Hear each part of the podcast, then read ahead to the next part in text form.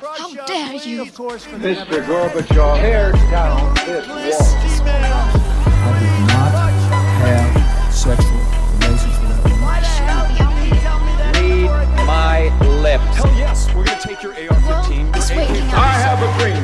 Klokka 10 eh, 23. juni så overrasket, eh, for mange i hvert fall, kom det som overraskelse. Norges Bank eh, varsler enda raskere rentehevninger eh, framover, og eh, satte, satte styringsrenta til 1,25 eh, prosent i dag. Og det er første gang på over 20 år at banken har økt renta med mer enn 0,25 prosentpoeng da, eh, i en slik renteheving.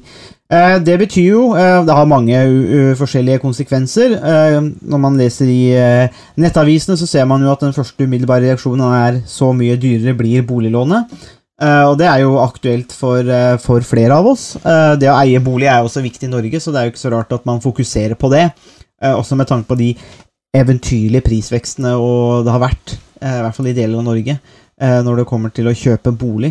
Så er jo spørsmålet her hvor mange er det som kanskje har lånt mer til nærmere grensa enn de kanskje burde. Eh, Hvor mye rentehevinger kan man tåle, selv om dette skal, for så vidt skal være bakt inn i en kalkyle òg. Men eh, slik at det er naturlig at man får dette fokuset. fordi det, vi får nå i Norge eh, og vi har, egentlig vært varsla en, en stund, men det begynner nå å synke inn, kanskje, at eh, vi, går mot, vi går mot trangere tider. Jeg tror det er rimelig å si. Det har vel for så vidt vært åpenbart i mange år at, eh, at eh, den norske økonomien vil, vil jo ikke eh, vokse på samme måte i tiårene som kommer, eh, som det har gjort da med den eventyrlige oljeboomen fra 1970-tallet og utover, eh, og særlig fra 1990-tallet. da. Eh, så at økonomien vil bli kanskje mindre, at det blir kanskje lavere levestandard for eh, kommende generasjoner, er ikke umulig, for vi får jo nå eh, sliter med en periode med ganske høye råvarepriser og eh, matvarepriser. Vi har krigen i Ukraina, vi har hatt pandemi, eh, enorme drivstoffutgifter. Vi har en eh, kommende, eller kanskje allerede, en eksisterende klimakrise som stiller en del krav. Det er ting som koster penger, det er ting som koster ressurser. Og så blir søren meg majoriteten av folk, i hvert fall i Norge og mange andre land, de blir jo bare eldre. Eh, Dette må jo også betales av noen, slik at eh, kommende generasjoner, og det var jo også eh, noe som eh, kona og jeg tulla med på sjukehuset da vi tok imot eh, gutten, at eh, her har vi en til til å betale på pensjonsutgiftene eh, som, som kommer, så det er bare å glede seg. Eh, det er jo ja, kanskje litt sånn sær politisk humor, men, men, men det er jo sant, da. Og det er jo litt eh, trist, det, er det ikke det, Harald? Den utsikten der med, med på en måte store, store utfordringer eh, og store kostnader da, for de kommende generasjonene. Jeg tror det går bra, ja. I hvert fall for meg. og da er jo alt Og da er jo alt som det skal være. Uh, Da, um, ja, da går det bra for meg, så, så skal, har ikke jeg noe mer å, å legge til. Da er, eh, da er uh, alt som det skal være. Ja. Um, nei, altså um, Du er inne på en del av de litt store um, bekymringene som gjelder både det norske samfunnet, men også de, de aller fleste andre vestlige samfunn. Men eh, befolkning som eh, blir gradvis eh, eldre. Eh, Vi har over de siste seks, syv, tiårene også fått en ganske ekstremt stor vekst i offentlig sektor, hvor offentlig sektor står for ca. 50% av bruttonasjonalprodukt, eller bruker omtrent 50% av bruttonasjonalprodukt i Norge og veldig mange andre land. Der er det noen variasjoner, men gjennomsnittet for OECD-landet ligger, ligger gjerne rundt, eh, rundt 50% Så det innebærer at offentlig sektor eh, er eh, et område som, som, hvor mye penger blir brukt, men samtidig så blir veldig mye av pengene som går til offentlig sektor, også brukt til nettopp pensjoner, som du Mm. var inne på, på, Sondre. At i hvert fall din pensjon ser ut til å bli, bli sikra med en, en ny arving som har, har ankommet. mm, Eh, Så mye, mye av det som offentlig sektor eh, dekker, eh, er jo rett og slett helse, utdanning, pensjoner.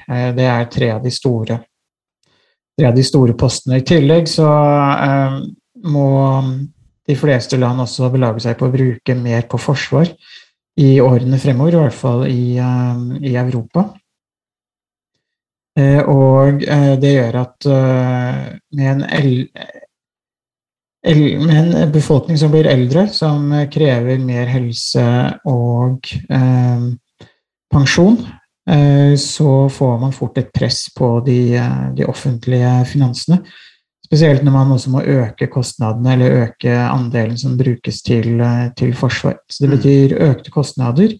Og spørsmålet er hvor mye mer man kan få gjennom eh, skatter eh, og avgifter når offentlig sektor allerede er på rundt, eh, rundt 50% Det betyr ikke at skatteøkninger ikke er nødvendige, eller at det er en dårlig idé, men det betyr at man altså man finner en balanse for at man skal få en økonomi som, som fungerer godt, og som er i vekst. Og det er akkurat det man ser konturene av nå. Eh, at økonomien eh, i mange land eh, i liten grad vokser.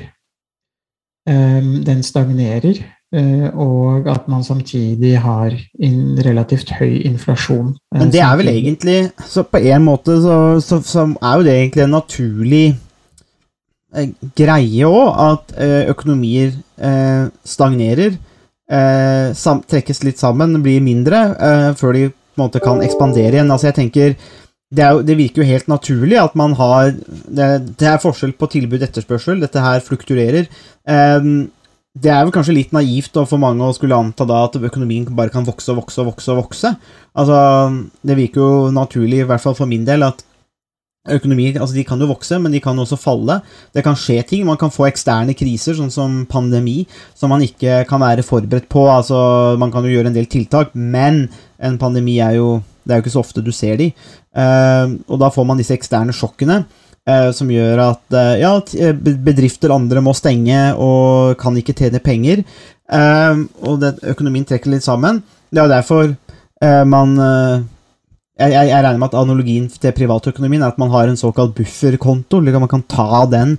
Og hvis, hvis, alt bare gikk opp, så hadde man jo egentlig ikke trengt denne bufferkontoen, for da kunne man jo bare satsa på at det var jevn stigende inntekt for eksempel, hele tida. Men man har jo denne bufferkontoen. Man, man blir jo fortalt at man, man ha, at man må ha denne bufferen fordi at det kan komme dager, måneder eh, hvor man kanskje ikke har inntekt, det skjer ting, og så må man ha noe som, kan, som hjelper en da, til å, å, komme seg over den perioden der. Så, eh, men jeg, hva, hva, sånn rent spekulativt, Harald, tror du, tror du at det er eh, tror du, tror du at det er for mange som har et eh, litt romantisk syn på økonomien, og litt sånn enkelt. At det er sånn Å ja, men vi må bare få økonomien til å vokse, og så går alt bra, og så dette gjør vi, så vokser, så er alle happy. Mens eh, Og så glemmer man, eller man ignorerer, den litt eh, kyniske, kalde siden ved økonomien òg. Det er, er, det, er det at uh, noen ganger så trekker økonomi, økonomien seg sammen. Man får sjokk som gjør at det blir nedgang, og at dette tross alt er en del av på en måte syklusen. Da, slik at man må måte, være litt forberedt på det. Ja, uten tvil. Altså, man, man, ser jo veldig tydelig at øh, hvis man ser Hvis man studerer um, hvis, hvis, man ser på økonomisk historie, så er det helt, eh, helt tydelig at, man, at økonomien um, går gjennom ulike sykluser, og at man snakker om ulike vekstfaser, og så at økonomien trekker seg, eller blir mindre, trekker seg tilbake eller trekker seg sammen. Så Sånn sett så, så er det noe alle vet. Det, det, som jeg tenker er utfordrende, er ikke nødvendigvis at økonomien går opp og ned i seg selv. Men det som er den store utfordringen, er at bak tallene på vekst eller tilbakegang i bruttonasjonalprodukt, så skjuler det seg også folk som blir eh, arbeidsledige, mm. eh, folk som mister jobbene, folk som mm. eh, får lavere pensjon eh, fordi at eh, staten må kutte kostnader fordi at skatteinntektene reduseres når folk blir arbeidsledige, eh, og når bedriftene går konkurs eller med underskudd osv. Mm. Jeg tenker Problemet er ikke, er ikke, nødvendigvis at økonomien går opp og ned, men det er det at det skaper eh, tapere eh, og en, en, ganske kraftig omfordeling. Man kan si fra en rent økonomisk perspektiv så er det kanskje sunt i den forstand at noen bedrifter blir borte, nye kommer til. At noen forsvinner, kan skape nye muligheter osv. Men det er på en måte en veldig fattig trøst eh, for de som opplever at pensjonene blir lavere, eller at de står eh, og blir arbeidsledige. Mm. Så, så spørsmålet er hvordan man Og det er jo egentlig litt det du var inne på, Sandra. Altså hvordan er det man skal håndtere eh, periodene hvor økonomien eh, blir trangere? Og som privatpersoner så er, det jo, er jo oppskriften å eh, kutte kostnader, forsøke å øke inntektene og eh, også ha eh, sparepenger som man kan, eh, kan bruke i perioder hvor, eh, hvor det er eh, mer utfordrende tider. Og det er jo i og for seg også oppskriften eh, for staten og for eh, det offentlige eh, og for politikerne også. Man må finne måter å øke skattene på, eh, men problemet med å øke skattene, i hvert fall i en eh, situasjon hvor økonomien trekker seg sammen, er at det, det kan også gjøre det vanskeligere for eh, både folk og bedrifter eh, å bruke de pengene som altså er nødvendige for å holde økonomien i gang, og for at økonomien ikke skal bli enda svakere. Så det er på grenser for hvor mye man kan skatte, skattelegge seg ut av en eh, økonomisk tilbakelangsperiode. Samtidig så er det også grenser for hvor mye man kan eh, kutte eh, offentlige kostnader. Man kan alltids kutte noe uten at det nødvendigvis får noen dramatiske konsekvenser for, eh, for mange, eller for en stor del av befolkningen, men samtidig så, så er, det, er det også vanskelig å kutte mye der det virkelig betyr noe, som helsevesen, pensjoner, utdanning, som også vil ha potensielt eh, store negative konsekvenser. Mm. Ja, og det er jo Altså, her er det ganske, ganske vanskelig. Politikerne står overfor en vanskelig, eh, vanskelig kombinasjon eh, hvor det egentlig ikke er så mange gode alternativer, og hvor de mm. ofte velger det, det eh, minste onde av eh, flere onder. Og spørsmålet er jo da om politikerne er i stand til å ta tøffe beslutninger, til å kutte kostnader i det offentlige, til å øke skattene hvis det er nødvendig, eller gjøre andre tiltak som, eh, som kan ha en betydning. Mm.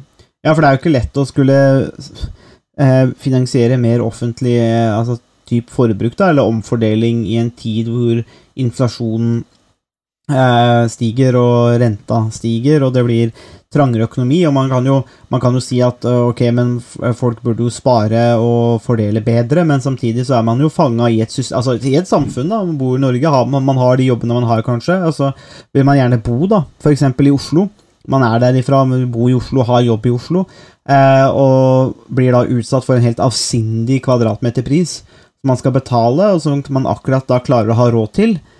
Eh, men, men som da kan bli problematisk over tid. Ikke sant? Det er ikke lett å sette til sides penger da, selv om, selv om da mange sier at nei, du må jo sette til sides penger. Men eh, realiteten kan jo være ganske vanskelig for veldig mange. Eh, slik at man er jo litt fanga og litt låst i det systemet der. Og det, det gjør at det er jo litt vanskelig å bare da skulle gå løs på skatter og øke de. Og og da, og da er hvordan måtte, får, man tak i, de, får man tak, i disse ressursene som skal til? Eh, og du er jo litt inne på dette med eh, det, det sentrale spørsmålet, da, tenker jeg her, er jo på en måte om vi har politikere, politiske partier eller et politisk system som kanskje er rigga for å ta disse eh, beslutningene. Og jeg tenker jo at eh, kanskje en sånn eh, eh, umiddelbar, et umiddelbart punkt der fra min side er kanskje at vi ikke har det per dags dato. Eh, Det er jo en god norsk tradisjon, eh, politisk tradisjon, å, kaste penger på problemet. Eh, Vi har, jo snakka om det mange ganger i podkasten, Harald, om at eh, Norge går konkurs på første klasse. Det ser jo ikke ut til å ha gått eh, løs på noen, selv om jeg ser at eh, politikerne var svært redde for at de skulle miste diamantkortene sine i SAS.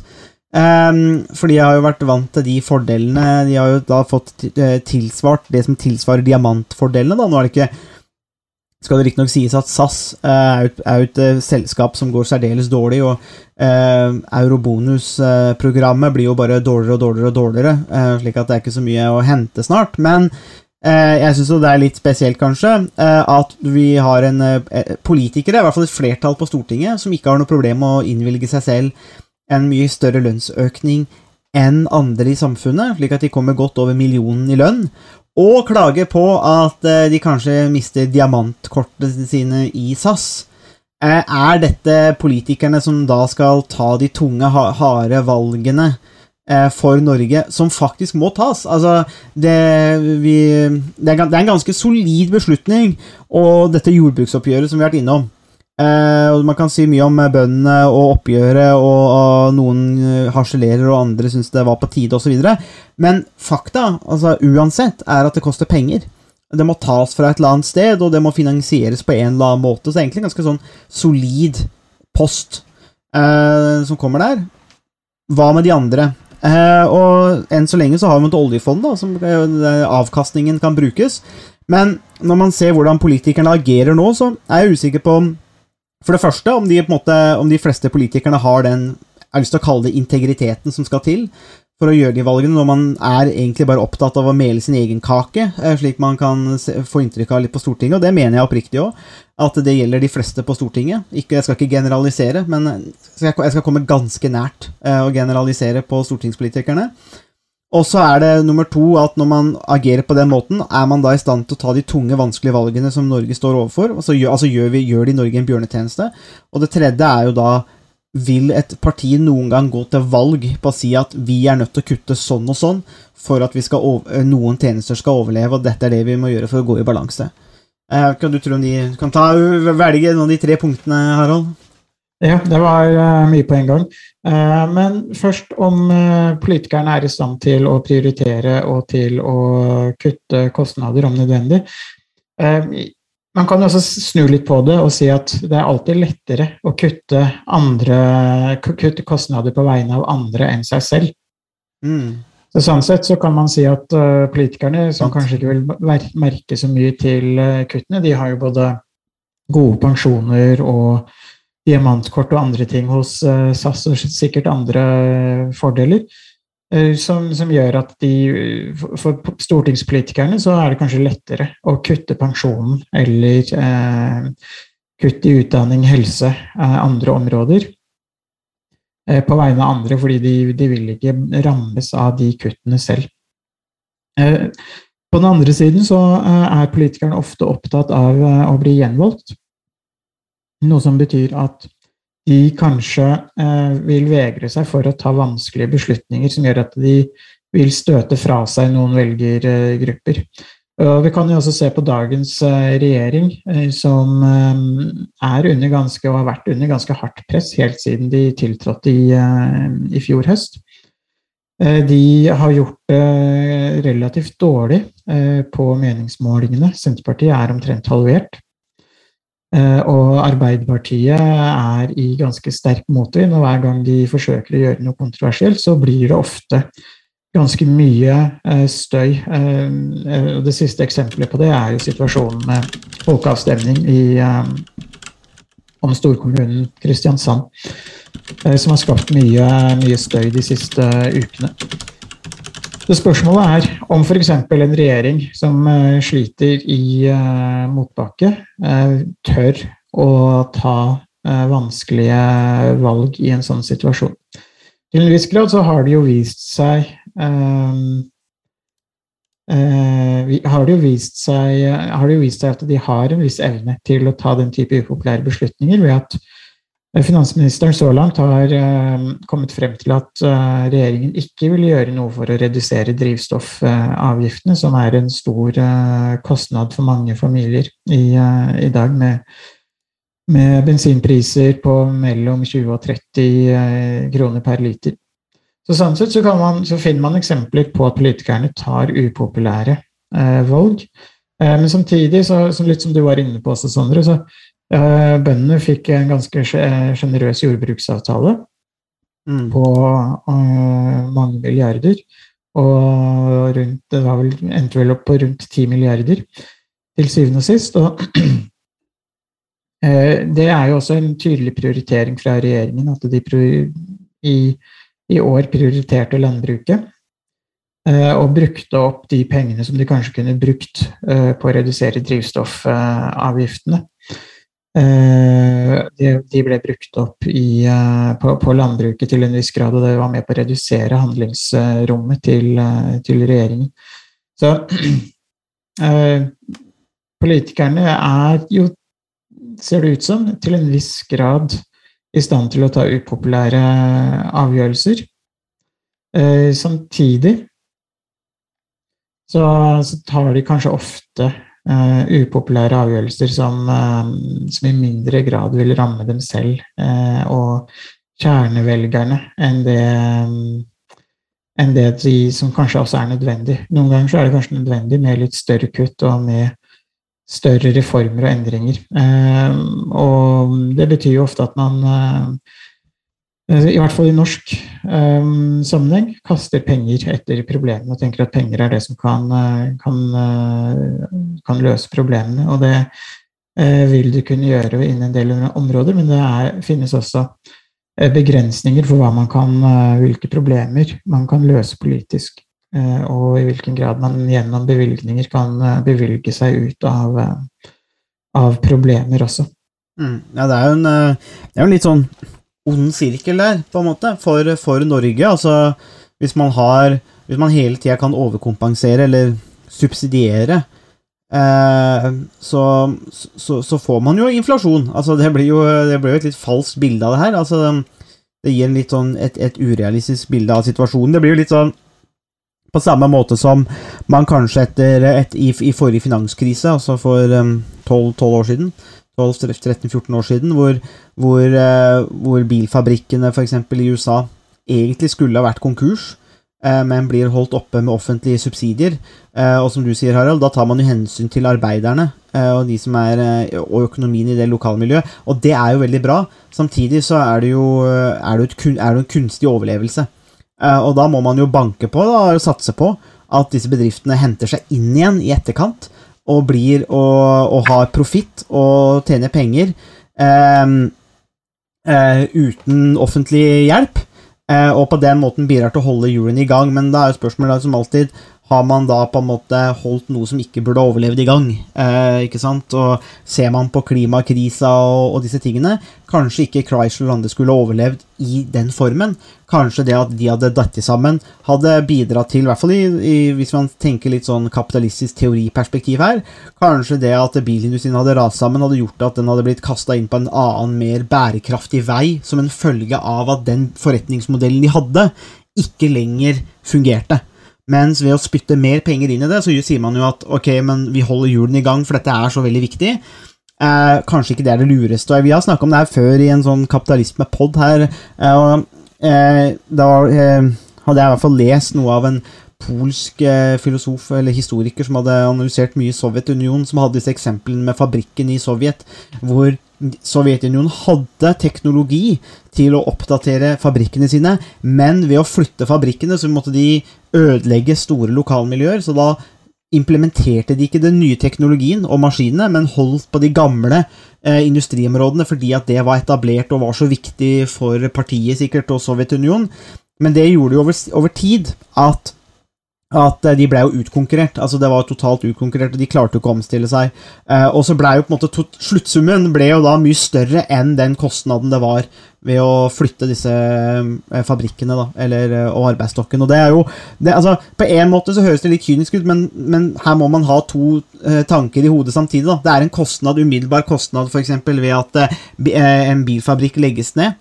Men det er også en veldig høy kostnad som kommer da mange år etterpå, ved at man har holdt kunstig i live en bedrift som har en forretningsmodell som ikke er bærekraftig. Og, og, hvis de klarer å omstille seg, så er det saken en annen, da. Men det er jo ofte det her som har skjedd.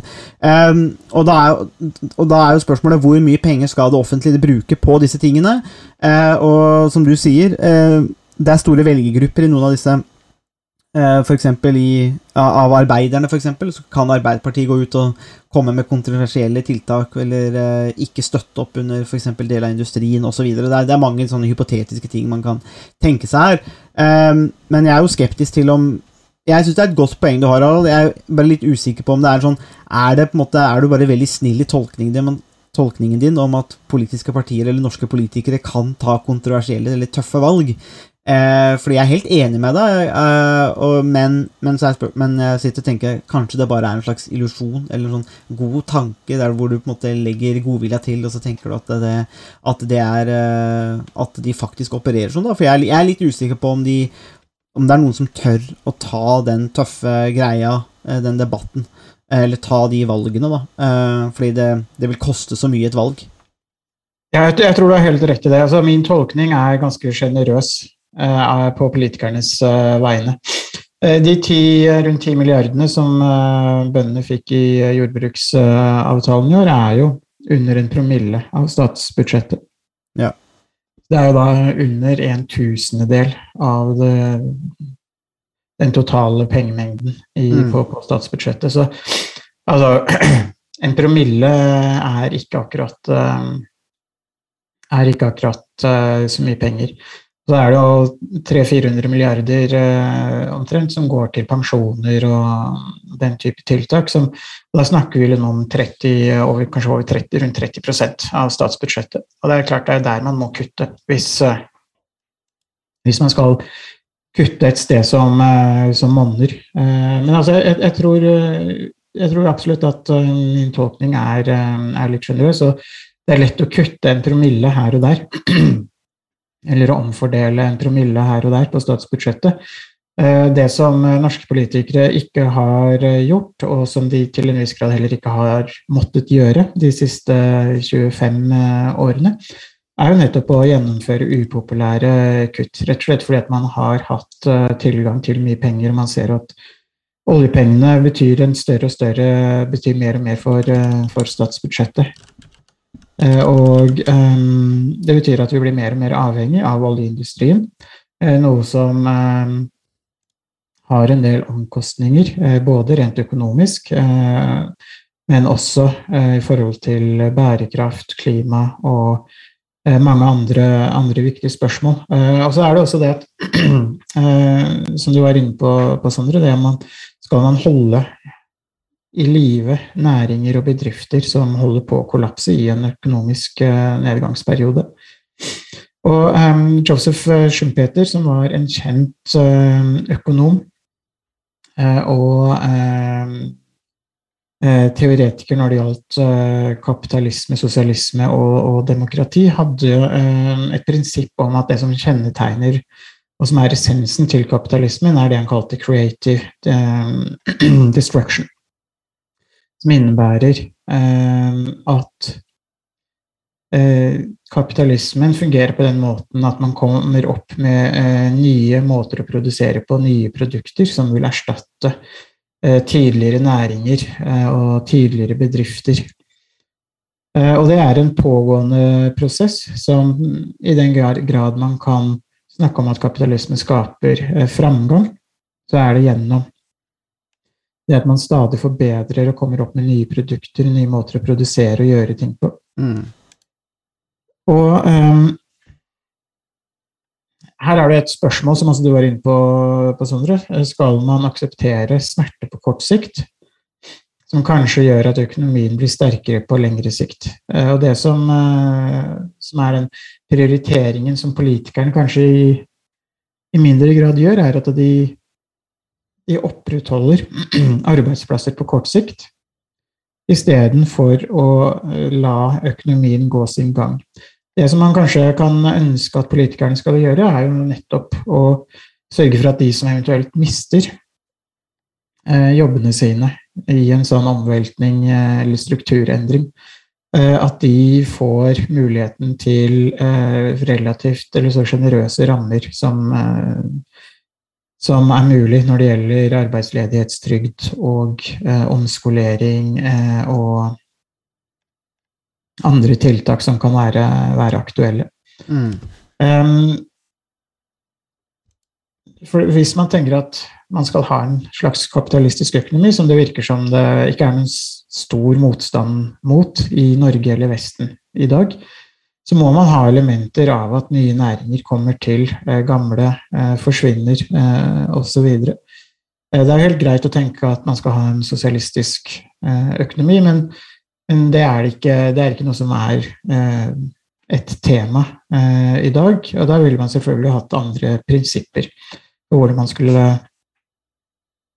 skulle håndtere både økonomisk vekst og økonomisk tilbakegang. Men så lenge man aksepterer en blandingsøkonomi og en relativt sterk andel, en stor del, eh, markedsøkonomi eller kapitalisme, eller hva man vil kalle det, så er det altså så må man også på en måte spille, eller følge de spillereglene som gjelder for en uh, kapitalistisk økonomi.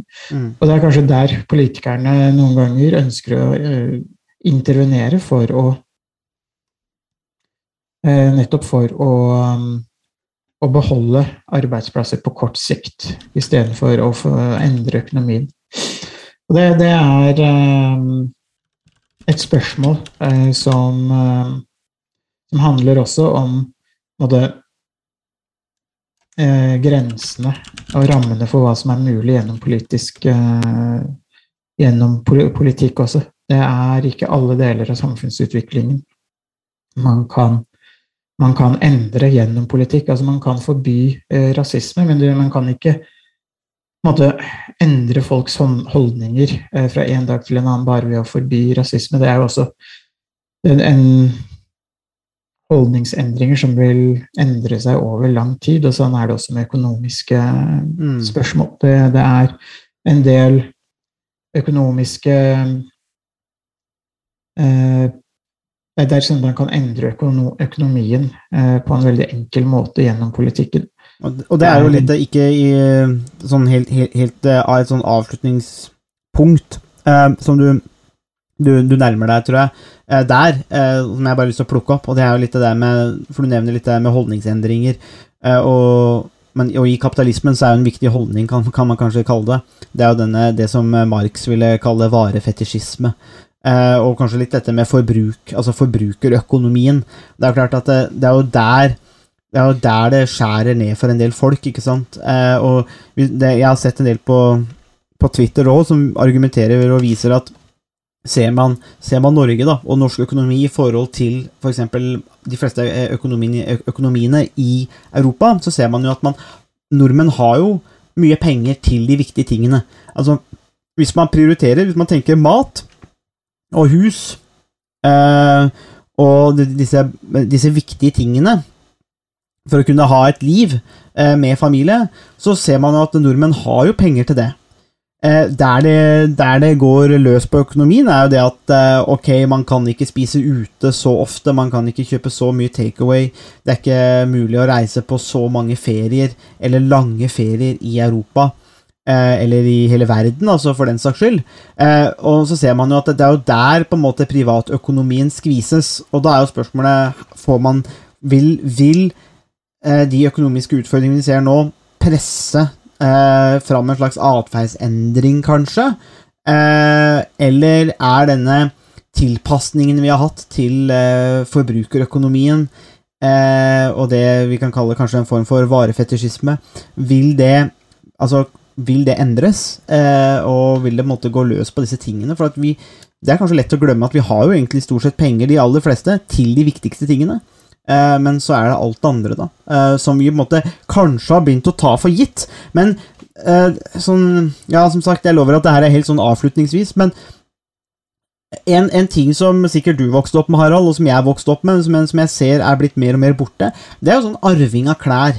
Det tror er, det er, det tror jeg er et ukjent konsept for svært mange i Norge i dag. Eh, men det, var, det er ikke så mange Du skal, du skal bare to tiår tilbake. Eh, Du skal gå opp til slutten av 80-tallet, starten av 90-tallet, hvor dette er helt vanlig at man, har, eh, man arver en rekke klær. Og det er jo fundert i en, eller basert på en lagt antagelse, eller, eller en aksept for at man har jo ikke penger til å bruke på alle disse tingene der. Man må prioritere, og, og, og så må man arve for å fordele dette her utover.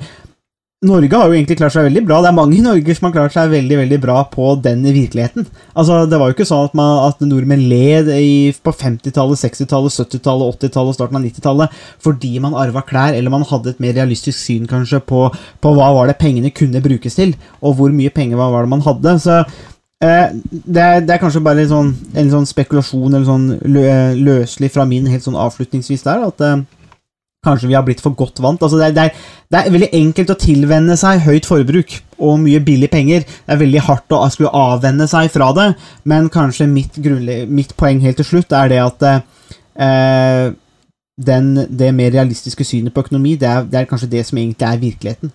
Nå har vi levd i en slags unntakstilstand, da. Eh, og nå, på, nå er vi på en måte på vei mot en sånn reckoning. Eh, hvor, vi, hvor vi bare må erkjenne disse tingene her. Da. Vi har hatt et, eh, har hatt et good run, som det heter på engelsk, med billige penger og sånn en tid. Og nå må, nå får, må komme på en måte virkeligheten litt tilbake da, i hvordan det her egentlig fungerer. Så jeg vet ikke helt til slutt hva du tenker om akkurat det elementet der. Jo, jeg er helt enig. Um, har, det, det, det, jeg tenker er at vi har, hatt en unntakstilstand uh, over to tiår omtrent, hvis ikke lengre, uh, nesten. Uh, hvor det har vært jevnt god vekst i norsk økonomi store deler av perioden. Så det som kanskje har vært mer et unntak tidligere, har blitt en slags regel eller mm. forventning. Og det gjør det også vanskeligere for mange å avvenne seg eh, og tilpasse seg en ny eh, situasjon, også fordi vi har opplevd den, den situasjonen her eh, kanskje fra midten av 90-tallet og, mm. og, helt frem til i dag. Så det er jo omtrent en generasjon, nesten 30 år, med sterk økonomisk vekst, som er eksepsjonelt lenge. Mm. Og vi skal jo ikke bare Helt til slutt, ikke Det er jo ikke total svartmaling heller, fordi selv om man gjør noen kutt og man reduserer levestandarden noe, da, la oss si det, så vil jo uansett eh, nordmenn og i Norge fortsatt gå egentlig veldig bra, og man har jo dette enorme oljefondet i bakhånd som alltid vil ta av de verste eh, krisene, eller de verste effektene. Eh, så vi er jo et veldig vi er et litt, der, Akkurat der er vi vel kanskje litt annerledes land fortsatt, og vi vil jo fortsette å være det. Eh, fordi vi har denne bufferen, da. Så her har man tenkt buffer. Eh, så det, det, får man jo igjen litt for der. Men eh, vi får komme tilbake til disse tingene litt seinere og se hvordan det blir. Det er i hvert fall Én ting er noe sikkert, at eh, økonomien den går nå opp og ned. Eh, og vil eh, fortsette å gi folk utfordringer, alle som en. Og, men også gleder og goder og utfordringer, så vi får følge med litt åssen det går. Takk for at du hørte på Statsvitenskap og sånt. Har du spørsmål, kommentarer eller tilbakemelding, så er det bare å ta kontakt på vår Facebook-side, per e-post eller brevdue. Musikken er som vanlig laget av Robin Horvath, og Mats Halvorsen mikser og redigerer podkasten. Vi høres!